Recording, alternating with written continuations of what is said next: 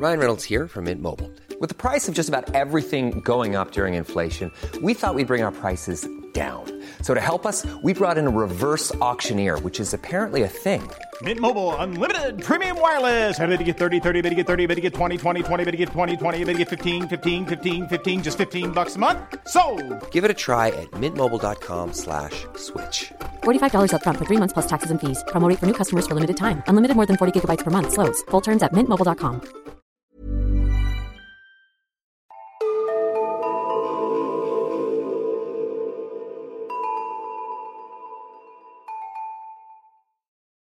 Hej och välkomna till Nära ögat, en true crime-podd för mesar. Mitt namn är Alexandra Kensdottir. Och jag heter Amelia Ingman. Välkomna till avsnitt 73. Ja. Och idag är det min tur att ta upp ett fall. Och alltså, jag tror det här är det längsta manuset jag skrivit. Alltså. Det är ju lite kul för man ser verkligen vilka veckor som är dina och vilka som är mina. Mm. Mina blir alltid lite kortare och det är lite mer, eh, ljudvågorna går mer upp och ner. Ja, ja, ja. Dina fall är lite slash mycket längre och är lite mer eh,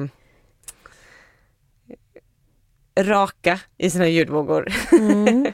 Jo, de, eh, de är ju det. Jag försökte inte ens hålla, hålla det kort den här gången. Men alltså jag tror folk älskar långa avsnitt. Jag tror folk snarare tänker, alltså skriv lite längre manus. Tror du det? Ja, men jag har svårt, jag jobbar med att man ska vara, kommunicera effektivt hela tiden och komprimera och grejer. Plus att det är ju typ den feedbacken vi har fått med från folk som jobbar med poddar. Att håll det kort, inte mer än 40 minuter. Ah, nej, folk, alltså är det ett spännande fall så håller det. Och nu är jag så taggad på att veta vad du ska prata om. Ja, vi får se om du tycker det är spännande för jag tror att det här är inte ett okänt fall.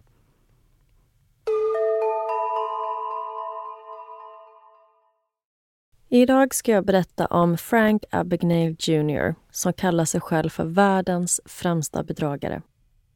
Och det är nog väldigt många av er som känner igen namnet och som kommer känna igen den här historien. För filmen Catch Me If You Can handlar om Frank. Den har man ju sett. Ja, det är ju en superstor Hollywoodfilm. Vi har Tom Hanks, vi har Leonardo DiCaprio och ja, den är ju superkänd. Den är väldigt, väldigt bra. Om ni inte har sett den. Mm. Och mina källor idag är artiklar av Allas, New York Post, The Irish World, Wikipedia och ett Youtube-klipp av Kendall Ray. Och den här historien är som sagt väldigt känd. Men vad vissa av er kanske inte vet är att det finns två versioner av vad det var som faktiskt hände i Franks liv. Och vi kommer börja med Franks egen version. Frank Abagnale Jr föddes den 27 april 1948 i Bronxville, New York. Hans föräldrar heter Frank Senior och Paulette och han har två äldre och ett yngre syskon. När Frank är 16 år gammal så blir han hämtad från en lektion i skolan. Och helt utan förvarning tas han in på rektorns kontor där han får höra att föräldrarna ska skiljas. Frank berättar att under föräldrarnas skilsmässa så var han tvungen att närvara i en domstol och välja sida. Alltså välja vilken förälder han ska fortsätta bo med. Och detta är väldigt jobbigt för honom så i pausen under förhandlingarna så bestämmer sig Frank för att rymma därifrån och lämna sin familj. Från den dagen så dröjer det sju år innan Frank träffar sin mamma nästa gång och han träffar aldrig igen sin pappa. Och detta skiljer sig lite från det man får se i filmen. Efter det att Frank lämnat domstolsförhandlingarna så tar han ett tåg till New York och där börjar han skriva och lösa in förfalskade checkar. Hur gammal var han? Och han är nu 16 år. Till en början fungerar detta bra för honom. Han får in ganska mycket pengar på de här checkarna. Men han får snart polisen efter sig och behöver komma på en ny plan för att få in pengar. Så en dag går han av en slump förbi ett hotell och råkar då stöta på en pilot och en flygvärdinna vilket väcker en idé. Frank tänker att om han låtsas vara en pilot så kan han enkelt lösa in checkar över hela landet och sen dra vidare innan någon märker att något är fel. Vilket han gör.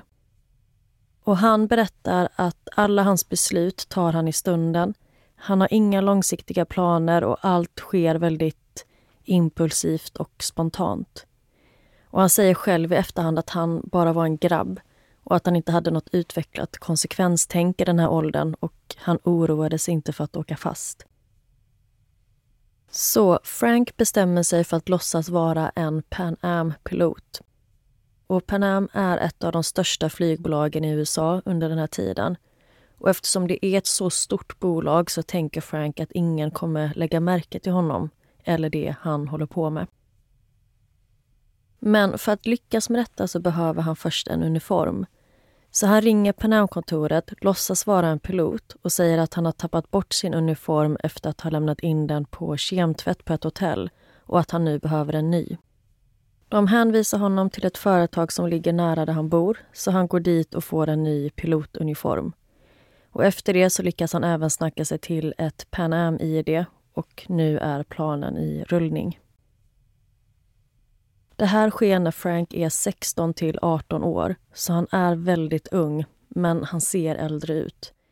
Och under de här åren så flög han uppskattningsvis över 160 000 mil helt gratis. Men det var inte han som flög planet, hoppas jag? Nej, precis. Han flyger inte, utan han bara reser med. Och han reser heller inte med Pan Am-flyg, för det är alldeles för riskfyllt. Han vill inte riskera att någon anställd på Pan Am ska börja ställa massa frågor som han inte kan svara på. Så han reser bara med andra flygbolag på så kallade jump seats. Och det är som extra platser, ofta inne i cockpit, för personer som inte själva flyger planet. Utan de här platserna är ofta till för piloter som håller på att utbilda sig eller personal som inte är i tjänst och så vidare. Okej, men skönt att höra att han inte var den som flög planet när han var 16 år utan erfarenhet.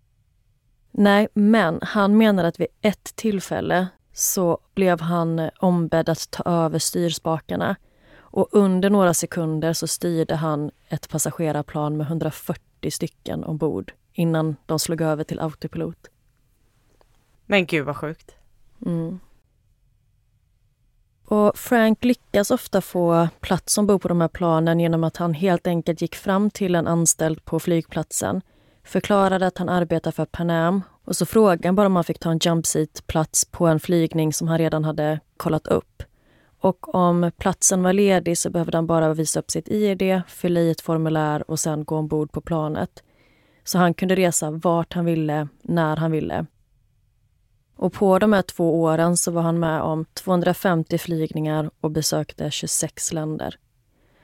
Och detta pågår mellan 1964 till 1966.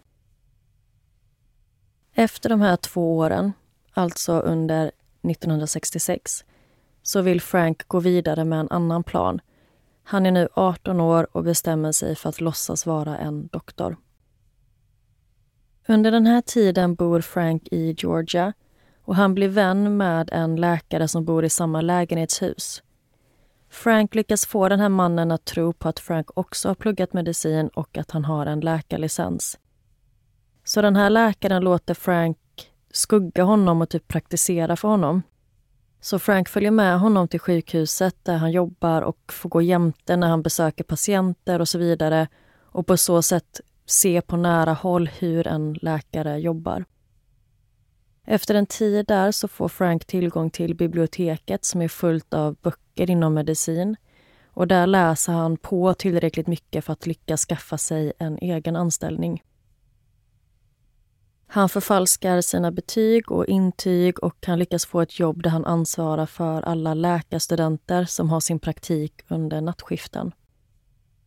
Och när Frank får frågor som han inte kan svara på så försöker han bara skifta fokus och byta ämne eller så ber han om någon annans åsikt eller kanske drar ett skämt. Och på så sätt så kommer han undan med att inte ha någon koll.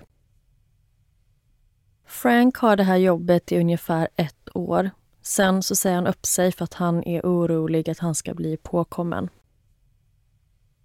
Hans nästa bedrägeri är 1967 när han är 19 år och nu vill han låtsas vara en advokat. Frank bor i Louisiana och han träffar en kvinna och han lyckas övertala henne att han har studerat till advokat på Harvard University och att han nu letar efter ett jobb. Och den här kvinnan hon har kontakter hos distriktsåklagaren och hon hjälper honom få en anställning där. Men för att kunna arbeta som advokat så är Frank tvungen att ta ett prov i Louisiana, ett så kallat State Bar Exam, för att få en giltig licens. Och enligt Frank så lyckas han med detta efter 13 veckor och tre försök. Alltså killen har ju uppenbarligen jättemycket potential. Varför pluggar han bara inte? Nej, det kan man fråga sig. Efter att han klarat det här provet så får han en anställning hos justitiekanslern Jack Jermillion. Och under sin anställning så vinner Frank 33 domstolsfall. Men efter ungefär ett år så bestämmer sig Frank för att byta karriär igen. Även denna gången för att han är rädd för att sanningen ska komma ikapp honom och att han ska bli påkommen. Och det är framförallt för att en annan advokat som jobbar där har gått på Harvard och den här personen börjar bli misstänksam. 1968, när Frank är 20 år, så är det dags för nästa bedrägeri. Han bor nu i Provo i Utah och han bestämmer sig för att lura stadens universitet som heter Brigham Young University, eller BYU. Han ska lura rektorn att ge honom jobb som professor i sociologi. Så Frank förfalskar sina examensbevis och han pratar med en annan professor på universitetet och berättar att han har jobbat som lärare tidigare men att han lämnade sitt jobb för att bli pilot.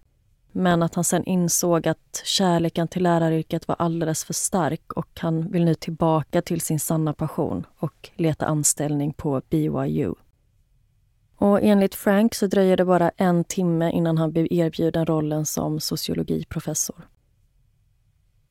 Han jobbar som professor i cirka ett år och Frank säger att hans kurs var alla elevers favoritklass och alla pratar om hur bra lärare han är. Men nu är han redo att lämna och hitta på något nytt. Under de kommande åren så gör Frank en hel del olika bedrägerier. Bland annat så hyr han en vaktuniform och ställer sig jämte en bankomat på Boston Logan Airport. Han håller i en skylt som han skrivit ut och på den så står det att maskinen är trasig. Och så säger han till de som vill använda bankomaten och sätta in pengar att han kan göra det manuellt åt dem. Att allt de behöver göra är att ge kontanterna till honom. Men i själva verket så tar han de här pengarna själv och sätter in dem på sitt eget konto. Och enligt Frank så lyckades han till och med få två poliser att eskortera honom från den här bankomaten med banklådan full med pengar till sin bil. Och under alla dessa år som bedragare så lyckas Frank hålla sig undan FBI. Han flyttar hela tiden till nya delstater och använder sig av olika identiteter så han lyckas undvika att bli gripen under flera år. Och eftersom han varit så framgångsrik som bedragare så tycker Frank att det är dags att dra sig tillbaka och flytta till Frankrike. Och han är bara 20 år när han bestämmer sig för att lägga livet som bedragare på hyllan och försöka leva ett normalt liv. Men den här planen skulle inte hålla så länge. För Frank älskar och saknar livet som bedragare. Och trots att han har flera miljoner på kontot så börjar Frank begå brott i både Frankrike och Sverige. Frank berättar att han bara blivit gripen av polisen en enda gång och det var i Frankrike när han var 21 år. Han arresterades då av Interpol efter en häktningsorder som utfärdats i Sverige. Under tiden Frank satt i häktet i Frankrike så upptäckte den franska polisen att han även utfört flera bedrägerier i Frankrike så istället för att utlämna honom till svensk polis direkt så dömdes Frank först till sex månaders fängelse i Frankrike för att ha förfalskat checkar. Vet man vad han gjorde i Sverige? Ja, det är i princip samma sak, att han har förfalskat checkar och lurat företag på pengar. Och Frank beskriver tiden i franskt fängelse som extremt tuff att han utsattes för svält och att han gick ner massvis i vikt och mådde jättedåligt. Efter att ha avtjänat sitt straff i Frankrike så utlämnas han till Malmö. Och även där döms han för att ha förfalskat checkar. Och när han suttit av sitt straff i Sverige så är han 23 år gammal. Och nu lämnas han över till FBI som varit på jakt efter honom i fem år. Och de ska föra honom hem igen. Men Frank är fast besluten om att inte dömas för några brott i USA. Och han har en plan för hur han ska komma undan FBI. Så på flyget tillbaka till USA så lyckas Frank smyga undan via kökspentryt ombord på planet och gömma sig. Och sen när de landar så hoppar han ut från planet, springer över landningsbanan, hoppar över ett stängsel och får tag på en taxi som kör honom därifrån. Och i filmen så är det lite annorlunda för då smiter han via toaletten istället tror jag. Men det är i stort sett samma scenario. Detta hamnar på massa löpsedlar över hela landet med rubriker som “Man försvunnen uppe i luften” och så vidare. Men det dröjer inte länge innan FBI lyckas gripa honom igen och denna gången så döms han till 12 års fängelse. Men Frank har även denna gång en plan för hur han ska fly från fängelset. Frank får specialbehandling i fängelset vilket skapar förvirring både bland vakterna och de andra intagna. Och Frank tänker att han kan utnyttja den här förvirringen till sin fördel. Så hans plan är att han ska låtsas vara en federal fängelseinspektör. Och för att få till den här lögnen att verka trovärdig så kontaktar han en tjejkompis och ber henne om hjälp med att förfalska ett FBI-visitkort och sen komma och hälsa på honom i fängelset för att lämna över det här visitkortet. Och det här funkar. Frank menar att han lyckades fly från det här högsäkerhetsfängelset genom att låtsas vara en inspektör och helt enkelt bara gå ut. Han åker till New York, men det tar bara en månad innan han åker fast igen utanför hotellet Waldorf Astoria. Och han hamnar återigen i fängelse för att fortsätta avtjäna sitt 12-åriga fängelsestraff. Men efter att ha suttit inne i fyra år så blir Frank kontaktad av FBI som har ett erbjudande åt honom. De erbjuder Frank villkorlig frigivning och Frank menar att detta är på grund av att de tycker att han är så sjukt bra på det han gör. Att FBI är imponerade av hans färdigheter som bedragare och att de nu vill ha hans hjälp. Så i utbyte mot villkorlig frigivning så ska Frank börja jobba för FBI de resterande åren av sitt straff och hjälpa dem att identifiera och ta fast andra bedragare samt hjälpa till med hur man kan jobba förebyggande mot bedrägerier. Så som 26-åring tackar Frank ja till det här erbjudandet och tänker nu att han kommer kunna leva som en fri man. Och 1974 så skickas Frank till Houston, Texas där han börjar sitt konsultuppdrag för FBI.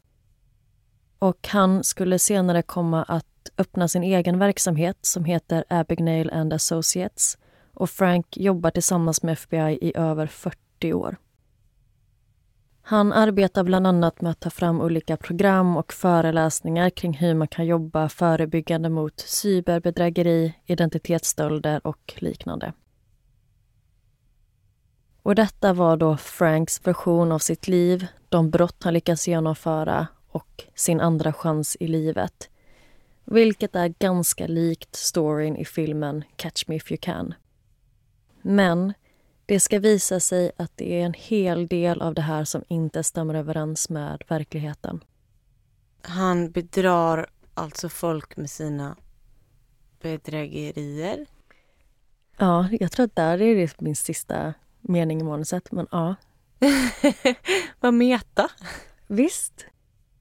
Ja, det är ju verkligen den ultimata bedragaren. Som bedrar folk att han har gjort bedrägerier. Det är ju det ultimata bedrägeriet, absolut.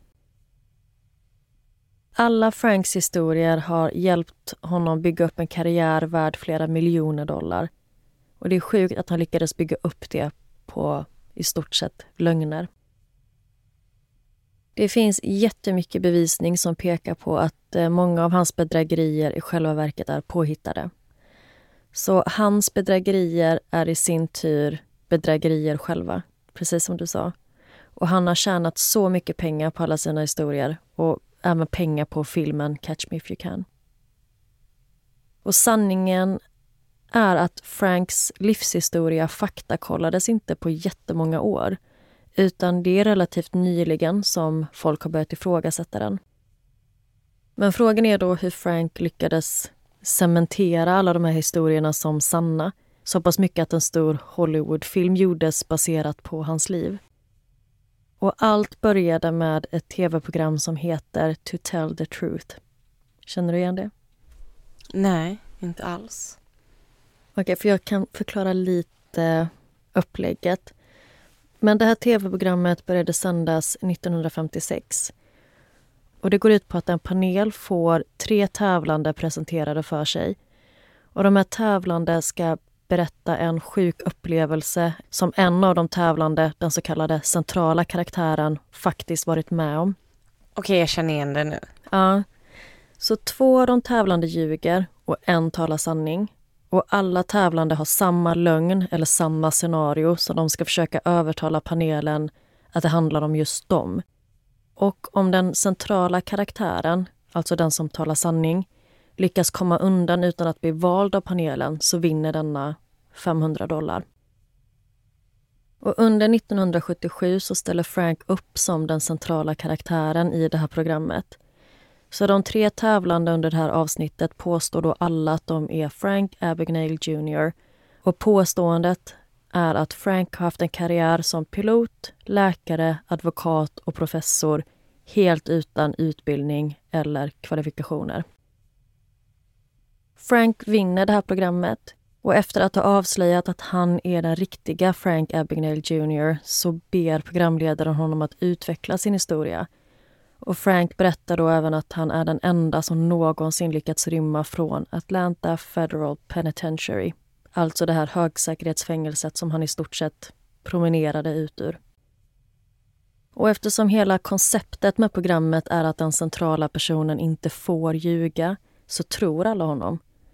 Och programmet skulle egentligen ha faktakollat Franks historia innan. Men av någon anledning så gjordes aldrig det. Och man tror att det kan ha att göra med att de hade tappat så mycket i tittarsiffror och ja, typ inte riktigt brydde sig längre. Så det var egentligen ingen som kollade ifall det han sa ens var sant. Det här blir Franks introduktion till rampljuset och flera tusentals människor ser det här programmet. Och jättemånga blir nyfikna på Frank och vill veta mer om honom. Så Franks bjuds in till att gästa The Tonight Show med Johnny Carson. Och han blir inbjuden att komma tillbaka som gäst flera gånger efter det. Och varje gång han är där och pratar om sin historia, desto mer detaljerad blir den. Frank bjuds även in till flera andra tv-program och folk får en bild av honom som en väldigt framgångsrik och bra bedragare. För han gav sig aldrig på privatpersoner eller små företag utan lurade bara stora bolag. Och han ser sig själv lite som bedragarnas Robin Hood. Frank skriver flera böcker, bland annat The Art of the Steal, Stealing Your Life och Scam Me If You Can och han konsultar kring hur man bäst undviker bedragare. Och åren går och alla köper hans historia och sen görs den här filmen då, Catch Me If You Can och efter det så är det som någon form av sanning. Och filmen är gjord av Steven Spielberg och utåt sett så ska den ju vara baserad på en sann historia så då måste det ju stämma. Men med tiden så börjar olika journalister att ifrågasätta Frank och alla hans historier. Och de tycker inte att det låter rimligt, så de börjar gräva i Franks förflutna. Framförallt journalisterna Ira Perry, Stephen Hall och Alan Logan. Och de har alla gjort ett jättestort jobb gällande att få fram sanningen om Frank. Och nu ska vi dra den sanna versionen.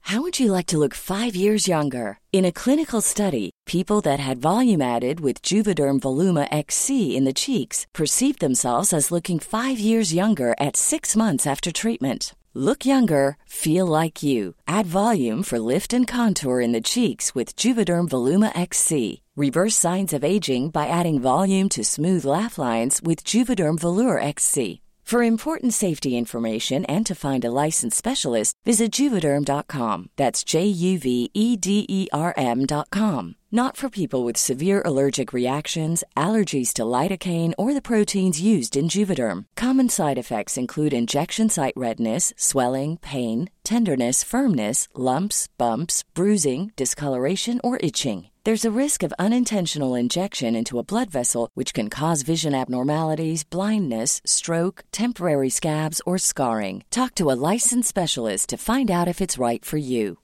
Hey, Dave. Yeah, Randy. Since we founded Bombus, we've always said our socks, underwear, and t shirts are super soft. Any new ideas? Maybe sublimely soft. Or disgustingly cozy? Wait, what? I got it. Bombus. Absurdly comfortable essentials for yourself and for those facing homelessness. Because one purchased equals one donated. Wow, did we just write an ad? Yes. Bombas. Big comfort for everyone. Go to bombas.com slash ACAST and use code ACAST for 20% off your first purchase. Frank Abagnale Jr föddes den 27 april 1948 i Bronxville, New York och hans föräldrar är Frank Sr och Paulette. Men föräldrarna separerade när Frank var 12 år gammal och tre år efter det så skilde de sig. Så Frank blev inte alls konfronterad i skolan med den här informationen och det kom inte alls som en chock för honom. Och det är även helt påhittat att han togs till rätten och tvingades välja mellan sina föräldrar. Utan Frank bor med sin pappa i Mount Vernon i New York. Och i december 1964, när Frank är 16 år gammal, så går han med i flottan. Och vid den här tiden så behöver man egentligen vara 17 år för att få registrera sig. Och det är inte helt klart hur Frank lyckas, men han går med som 16-åring.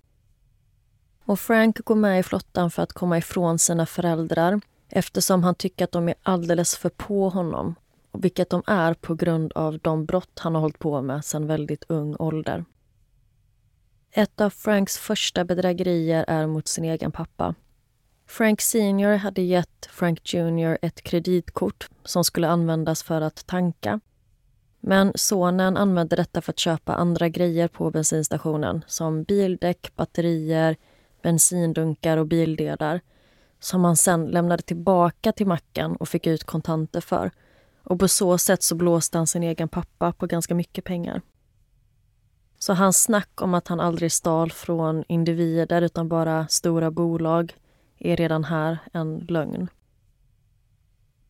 Frank stannar inte i flottan vidare länge utan han är bara där i tre månader.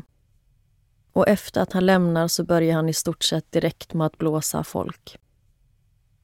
Den 25 februari 1965, bara några dagar efter han lämnat flottan, så grips han av polisen för förfalskning och bedrägeri.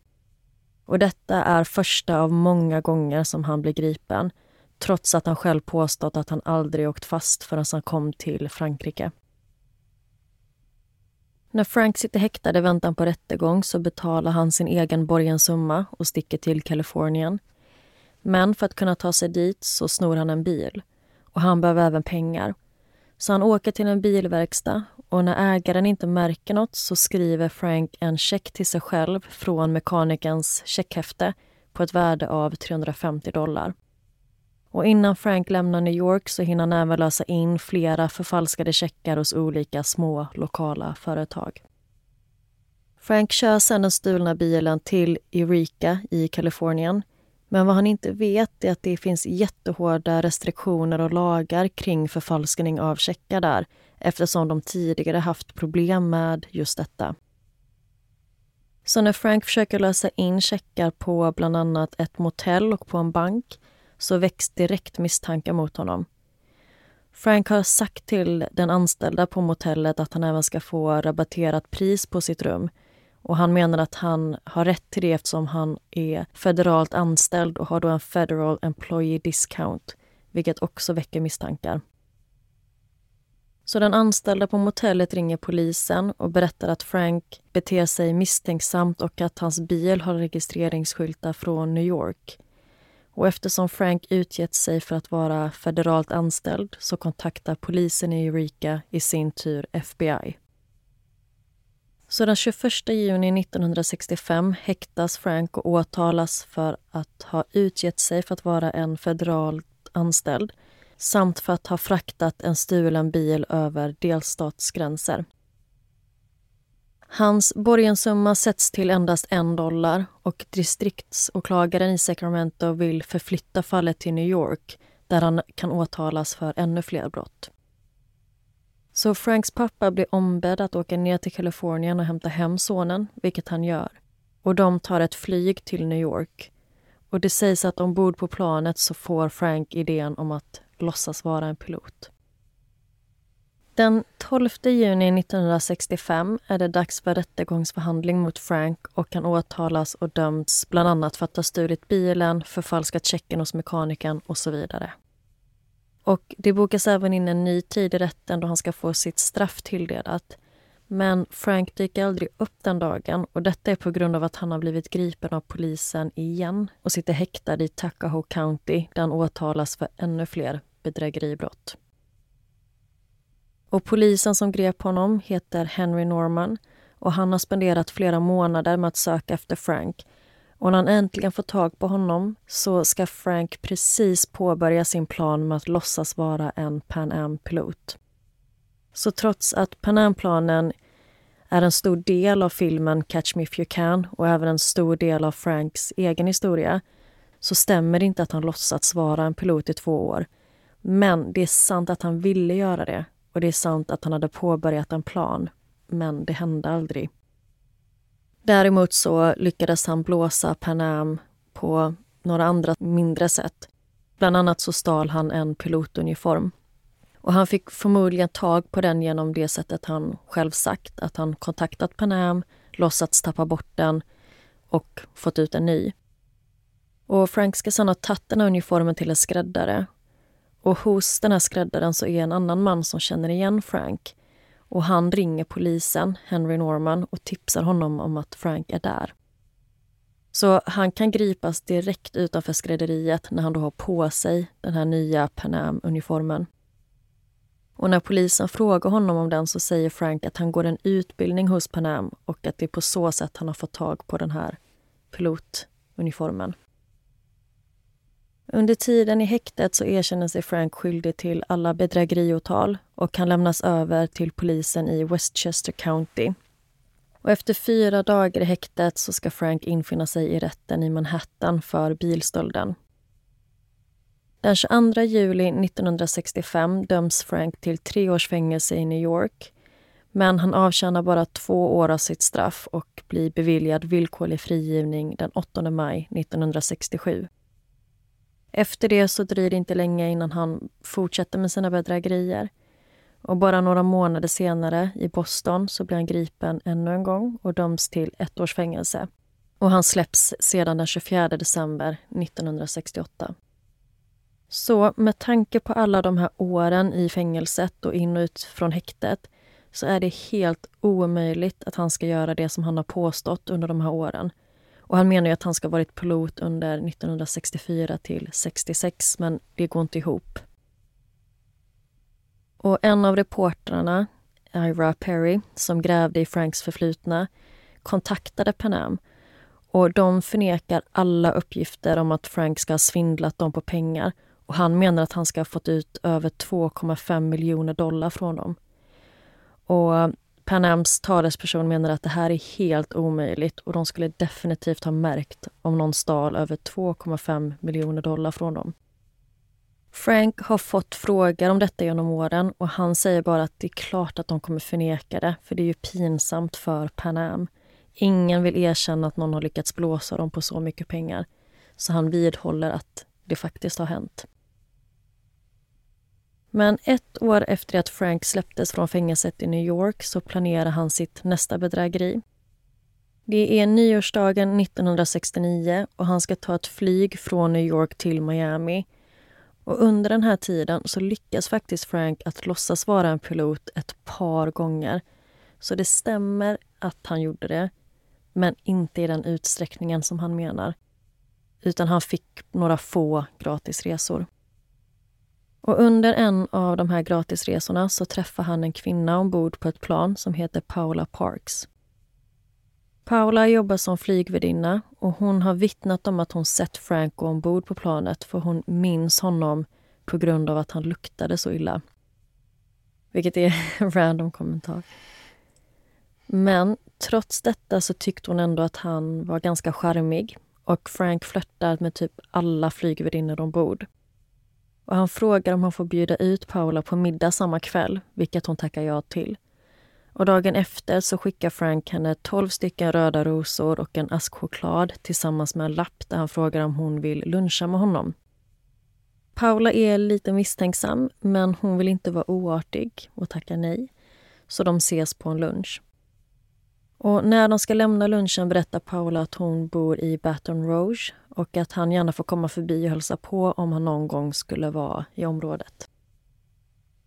Några dagar senare så tar Paula ett flyg hem och när hon landar så står Frank på flygplatsen och väntar på henne.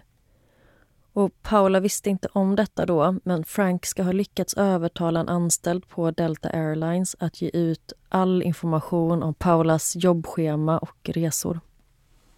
Obehagligt. Jätteobehagligt. Och Frank drar en lögn om att hans flyg blivit inställt den här dagen och han nu har en ledig dag. Och Paula tycker att detta är jätteobehagligt och hon säger att hon måste jobba och att hon inte kan umgås med honom. Och hon hoppas att han ska fatta att hon inte är intresserad. Men han fattar inte utan detta ska komma att hända ytterligare tre gånger. Den fjärde gången detta händer är i Paulas hemstat Louisiana. Och denna gången övertalar han Paula om att låta honom köra henne hem till hennes föräldrar. Han lyckas även övertala Paula om att få följa med in och där blir han kompis med hennes föräldrar. Föräldrarna heter Bud och Charlotte Parks och Frank lyckas näsla sig in i deras liv och efter ett tag så flyttar han till och med in hos Bud och Charlotte. Frank uppvaktar hela familjen med blommor och han lagar mat åt dem men han gör det med pengar som han stulit från dem. Och under tiden han bor hos Bud och Charlotte så träffar Frank deras pastor som heter Earl Underwood. Frank säger till pastorn att han älskar barn och att han gärna vill jobba med barn. Så pastorn presenterar Frank för sina kollegor för att se om det kan finnas något jobb för Frank. Men en av kollegorna tycker att det är något som inte riktigt stämmer och säger till pastorn att han tror att Frank är en bedragare. Och den här mannen har lyckats lista ut att Frank inte är någon pilot, att han inte har någon erfarenhet av att jobba med barn. Och han får även reda på att Frank ljugit om sin utbildning. Så pastorn kontaktar själv Pan Am för att fråga om Frank och se ifall de någonsin haft något problem med honom. Och Pan Am säger ja, men att han främst varit en irritation för dem och inte så mycket av ett problem. Men efter det så kontaktar pastorn polisen i Baton Rouge och de griper Frank den 14 februari 1969. Denna gången har Frank inte råd att betala sin borgensumma så han ber pastorn om hjälp. Frank förklarar hur ångerfull han är och att han vill göra rätt för sig och hitta Gud. Och pastorn känner för Frank och går på allt det här snacket. Så det slutar med att pastorn kontaktar Franks föräldrar och ber dem skriva brev till domaren och böna om att Frank ska skonas eller benådas. Den 2 juni 1969 infinner sig Frank i rätten och erkänner sig skyldig till stöld och bedrägeri. Och Den här gången döms han till 12 års fängelse för sina brott. Men breven som pastorn bett föräldrarna att skriva till domaren och pastorns eget bönande har hjälpt. Och domaren tillåter Frank att avtjäna sitt straff under villkorlig frigivning så länge han får psykiatrisk hjälp. Så i augusti 1969, under sin villkorliga frigivning bestämmer sig Frank för att resa till Sverige under den här tiden som han spenderar i Sverige så blåser han privatpersoner och mindre företag på pengar. Trots då att han menar att han aldrig har gjort det. Hans första offer i Sverige är Arn Hansen och Arns chef Harry Andersson. Han blåser Harry på några tusen och han bor hos Arn utan att betala. Men de hinner inte ens lista ut vad det är som har hänt innan Frank har hunnit dra därifrån. Nästa offer är Jan Hillman som äger en bilverkstad. Och Frank kör till den här verkstaden med en trasig Fiat med franska registreringsskyltar och ber Jan att eh, laga bilen. Och under tiden så vill Frank hyra en bil av honom. Och Jan har ingen anledning att misstänka att något är fel så Frank får hyra en bil och han kommer aldrig tillbaka med den igen. Så Frank kör den här stulna bilen till Frankrike och det dröjer inte länge innan han grips av fransk polis, även då för att ha förfalskat checkar. Så även Franks historia om Sverige och Frankrike stämmer till viss del. Men delen om att han ska ha hamnat i ett hemskt fängelse där han tvingades svälta och satt inlåst i sex månader stämmer inte. Utan det var helt okej okay förhållanden och han satt tre månader. Och efter straffet i Frankrike så dömdes han även till två månaders fängelse i Sverige. Och efter det så blir han utvisad och får inte resa in i landet på åtta år. Och Det är i den här delen av Franks historia som han menar att FBI kom för att hämta hem honom och ta honom tillbaka till USA på det här planet där han lyckades rymma. Men det stämmer inte. Ingen amerikansk myndighet sökte efter Frank under den här tiden. Och det hade inte pågått en fem år lång sökinsats av FBI för att ta fast världens främsta bedragare, utan det är helt påhittat. Frank reste själv tillbaka till USA utan att ha någon efterlysning på sig. Men då är allt det här med att han rymde ut köksvägen också fejk? Helt fejk. Då var det inga löpsedlar om det? Inga löpsedlar. Han bara hittar på? Mm. Och förmodligen så var det för att ha en häftigare historia. Och ja, som sagt, ingen tidning skrev om detta. Det fanns ingen löpsedel om detta. Det hände inte. Det känns som att det hade man kunnat kolla upp tidigare. Är det ingen som känner igen den här historien och han säger att det var löpsedlar över hela USA?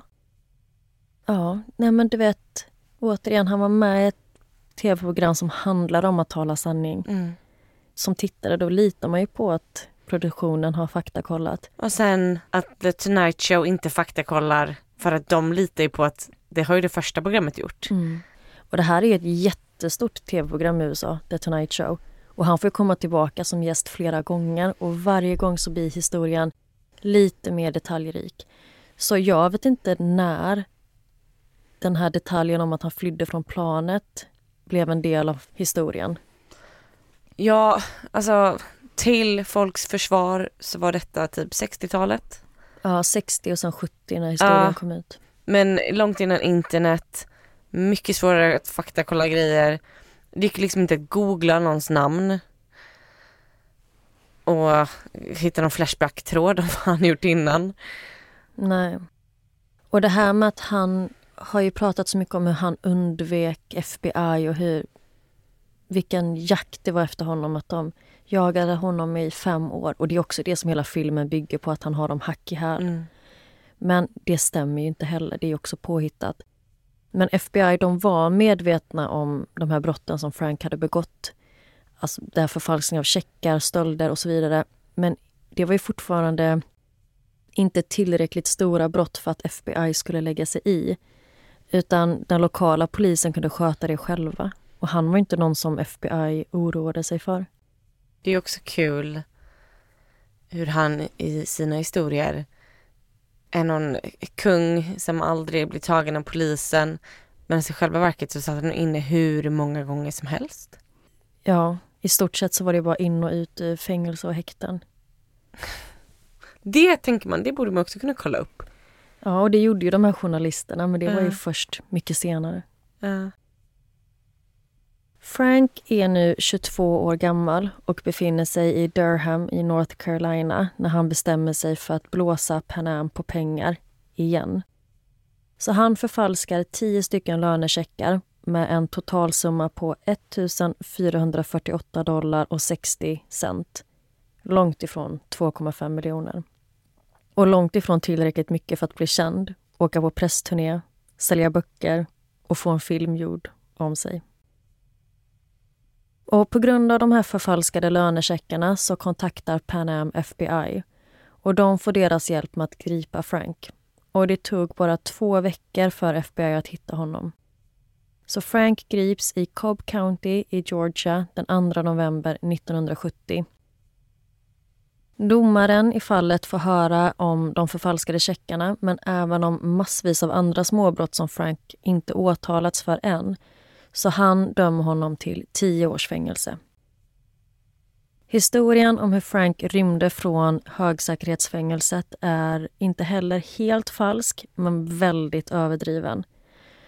För Frank satt inte på något högsäkerhetsfängelse utan han satt frihetsberövad i Cobb County Jail och han låtsades aldrig vara någon fängelseinspektör utan han rymde under en rutinkontroll när vakterna råkade vända ryggen mot honom.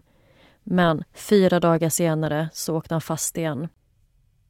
Och han greps då av två poliser som såg honom stå och köpa pretzels på gatan. Och poliserna ropade “Hej Frank!” så han reagerade och vände sig om. Så då fattade de att okej, okay, det här är Frank och då kunde de plocka in honom och ytterligare två år lades på på hans redan tioåriga fängelsestraff. Men tre år senare, i mars 1973, så släpps Frank och får istället övervakad villkorlig frigivning. Och han reser då till Houston där han ska avtjäna resten av sitt straff. Frank får jobb på ett ställe som heter Camp Mansion och han fortsätter stjäla pengar och efter ett tag så rymmer han därifrån. Och det är typ så här Franks liv fortsätter år efter år. Han håller på med samma typ av brott, flykt, åka fast och så vidare. Så att allt är som en repetition. Men till slut så får Frank en tuff övervakare som har stenkoll på honom. Och den här övervakaren säger till Frank att han borde göra något mer av sitt liv och börja prata med andra om hur man kan undvika människor som Frank. Och under 1975 så blir Frank kontaktad av en bank som erbjuder honom ett jobb och inte FBI. Utan banken vill att Frank ska hålla seminarier kring hur man undviker bedragare, vilket Frank tackar ja till. Och härifrån och framåt så föreläser Frank över hela landet. Och efter ett tag så får han möjlighet att vara med i tv-programmet To tell the truth. Och efter det, The Tonight Show och därifrån växer sig Franks historia allt större. Och nu börjar Frank resa runt och berätta sin historia om hur han låtsats vara en pilot, läkare, advokat och professor. Men det mesta är bara påhittat. Och visst att han körde pilotlögnen ett par gånger, men inte i den utsträckningen som han säger. Och i stort sett allt är påhittat för som vi redan har nämnt så satt han ju i fängelse större delen av tiden. Journalisterna Ira Perry och Stephen Hall avslöjade en hel del om Franks liv. Steven jobbar för The San Francisco Chronicle när han såg Frank på The Tonight Show. Och efter bara två dagars grävande så insåg han att det mesta som Frank sa var påhittat. Bland annat så visade det sig att eh, den här banken som Frank menade att han stått framför och fått folk att överlämna pengar till honom, den existerar inte ens. Och Frank påstår även att han har jobbat ett år på Cobb County General Hospital där han haft hand om läkarstudenter under nattskiften. Men det här sjukhuset har inte ens läkarstudenter. Frank menar att han har varit advokat och jobbat för distriktsåklagaren under 1967. Men när journalisten kontaktar det här advokatkontoret så känner de inte ens igen Franks namn. Och Frank har sagt att han jobbade på andra våningen men det finns ingen andra våning på det här advokatkontoret. Samma gäller hans yrke som professor på BYU. Andra lärare på det här universitetet menar att hans lögn inte ens är rimlig. För anställningsprocessen där är väldigt strikt och långdragen. Plus att alla nyanställda lärare på skolan är med i lokaltidningen, vilket Frank aldrig var. Och en annan detalj från den här tiden då Frank menar att han jobbar som professor det är att det finns ett fotografi på honom från sitt lärarkontor. Och på den här bilden så kan man se att det står en Mr Pibbs läsk på skrivbordet. Men den här läsken kom inte ut förrän 1972 vilket är fyra år efter han ska ha jobbat på BYU. Men när Stephen Hall publicerar sin artikel om Frank den 6 oktober 1978 så får den i stort sett ingen spridning alls. Så Frank kan helt enkelt fortsätta sprida sina lögner hur han vill. För uppenbarligen så är det ingen som bryr sig om sanningen. Och han fortsätter tjäna pengar på sina lögner. Två månader senare, i december 1978, kommer även Ira Perrys artikel om Frank ut. Och det är samma sak där. Ingen spridning alls. Och en lögn som Ira slog hål på, det är det att Frank ska ha tagit det här provet för sin advokatlicens. För Frank menade att han hade gjort det på 13 veckor och tre försök. Men testet hålls endast en gång var sjätte månad, så det är omöjligt. Om Frank ska ha tagit provet tre gånger så hade det tagit ett och ett halvt år, inte 13 veckor. Och enligt Franks tidslinje så skulle han redan då varit en professor. Och när Iras artikel kommer ut så ställer Frank in ett framträdande som han har den dagen. Men när han märker att ingen verkar bry sig den här gången heller så fortsätter han att köra på som vanligt. Och Frank hävdar än idag att han har kopplingar till FBI. Men ingen anställd på FBI har någonsin bekräftat detta. Och vissa har till och med publikt gått ut och sagt att de inte vill ha någonting att göra med Frank. Och FBI kallar Franks brott för osofistikerade. Frank är en bedragare och han har lurat privatpersoner och små företag på pengar i flera olika länder trots att han då i efterhand utmålat sig för att vara någon form av Robin Hood-karaktär. Han jobbade i stort sett hela sitt vuxna liv med att föreläsa och utbilda och det har uppenbarligen gått väldigt bra för honom. Och han har lyckats bygga upp en karriär och en trovärdighet inom den här branschen. Och det här var berättelsen om Frank Abagnale Jr. En lögnare som har bedragit människor om hur han har bedragit människor.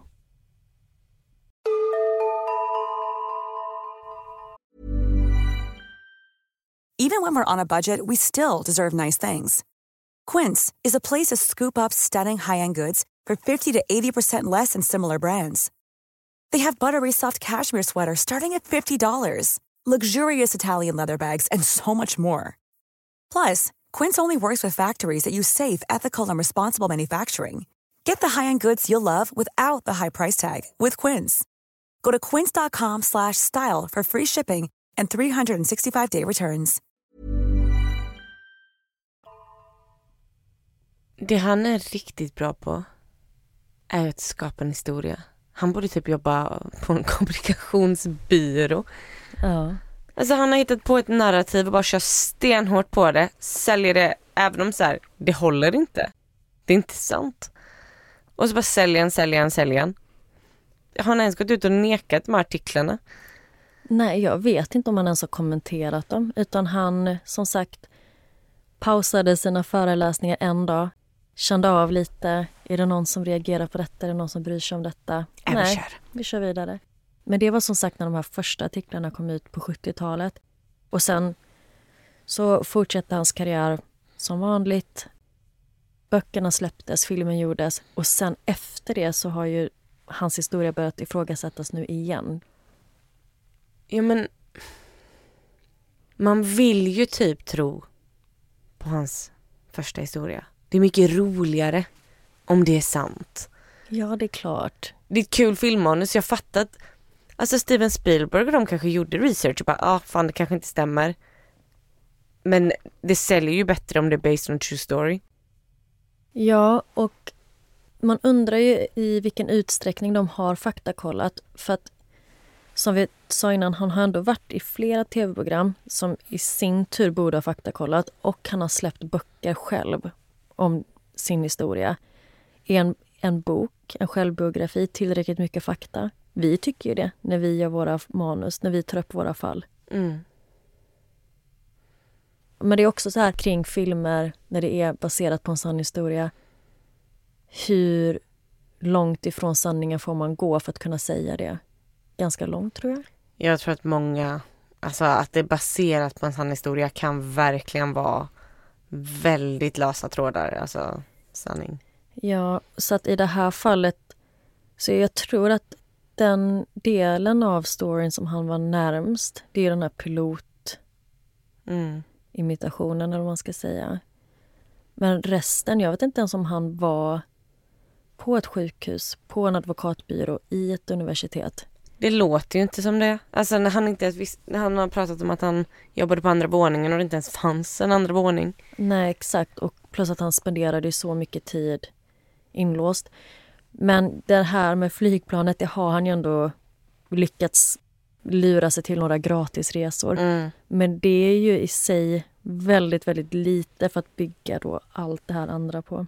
Mm. Men ja, han är ju som du säger extremt skicklig storyteller. Mm. Men alltså han låter ju mer bara som en så här, vad heter det, patologisk lögnare. Eller mytoman, eller vad man nu kallar det för. Mer än en bra bedragare. För att uppenbarligen åkte han ju in konstant. Ja, fast det är ju inte hans stora bedrägeri att han höll sig undan fängelse eller lyckades med planen. Utan hans stora bedrägeri det är att få folk att tro på hans lögner. Mm. Men det känns ju på något, alltså på något sätt känns det ju nästan som att han själv också tror på de här lögnerna. Ja. Men det är också typ så att han menar att ah, han har jobbat med FBI i 40 år och de har samarbetat och hit och dit. Men man tror ju inte att en person ljuger om något sånt. Nej. Alltså det är så stora lögner att de känns de känns för stora för att vara en lögn. Mm, men jag tror också att hans fall var lite det här detaljrikedomen. Mm. Att han blev mer och mer detaljerad för varje gång han pratade om vad han hade gjort. För att nog- han hade nog haft lättare att komma undan med detta om han inte gav så specifika detaljer, årtal, platser, företag. Mm. Men också att han försöker säga rent för sig själv och bara jag var Robin Hood. Men ja, nu vet jag inte hur långt detta blev idag men det känns som att jag har pratat i timmar. Även om jag hade hört den första delen av historien innan och jag för mig att jag kanske någon gång hört någonting om att det inte riktigt var sant så hade jag liksom ingen koll på vad det var han egentligen hade gjort eller hans riktiga liv. Det tror jag inte är så känt så att det var superintressant att få höra. Ja, vad bra. För jag kände det när jag valde detta fallet att ja, jag tror väldigt många känner till detta och i alla fall sett filmen, absolut. Men jag hade själv inte så bra koll på att så mycket av det han sagt faktiskt var lögner. Ja. Men man blir ju lite sugen på att titta på Catch Me If You Can igen. Ja, jag med. Och jag vill se honom, hur han ser ut på riktigt. Ja, ja, men det kommer bilder på... In... Är han lika snygg som Leonardo DiCaprio? Var i den filmen? Ja, det får du avgöra själv. Jag kommer lägga ut bilder på vår Instagram och Facebook där vi heter Näragat podd. Så in och kommentera. Tycker ni Frank är hot or not? Vi hörs igen nästa vecka. Det gör vi. Och tack Amelia för det här fallet. Tack själv.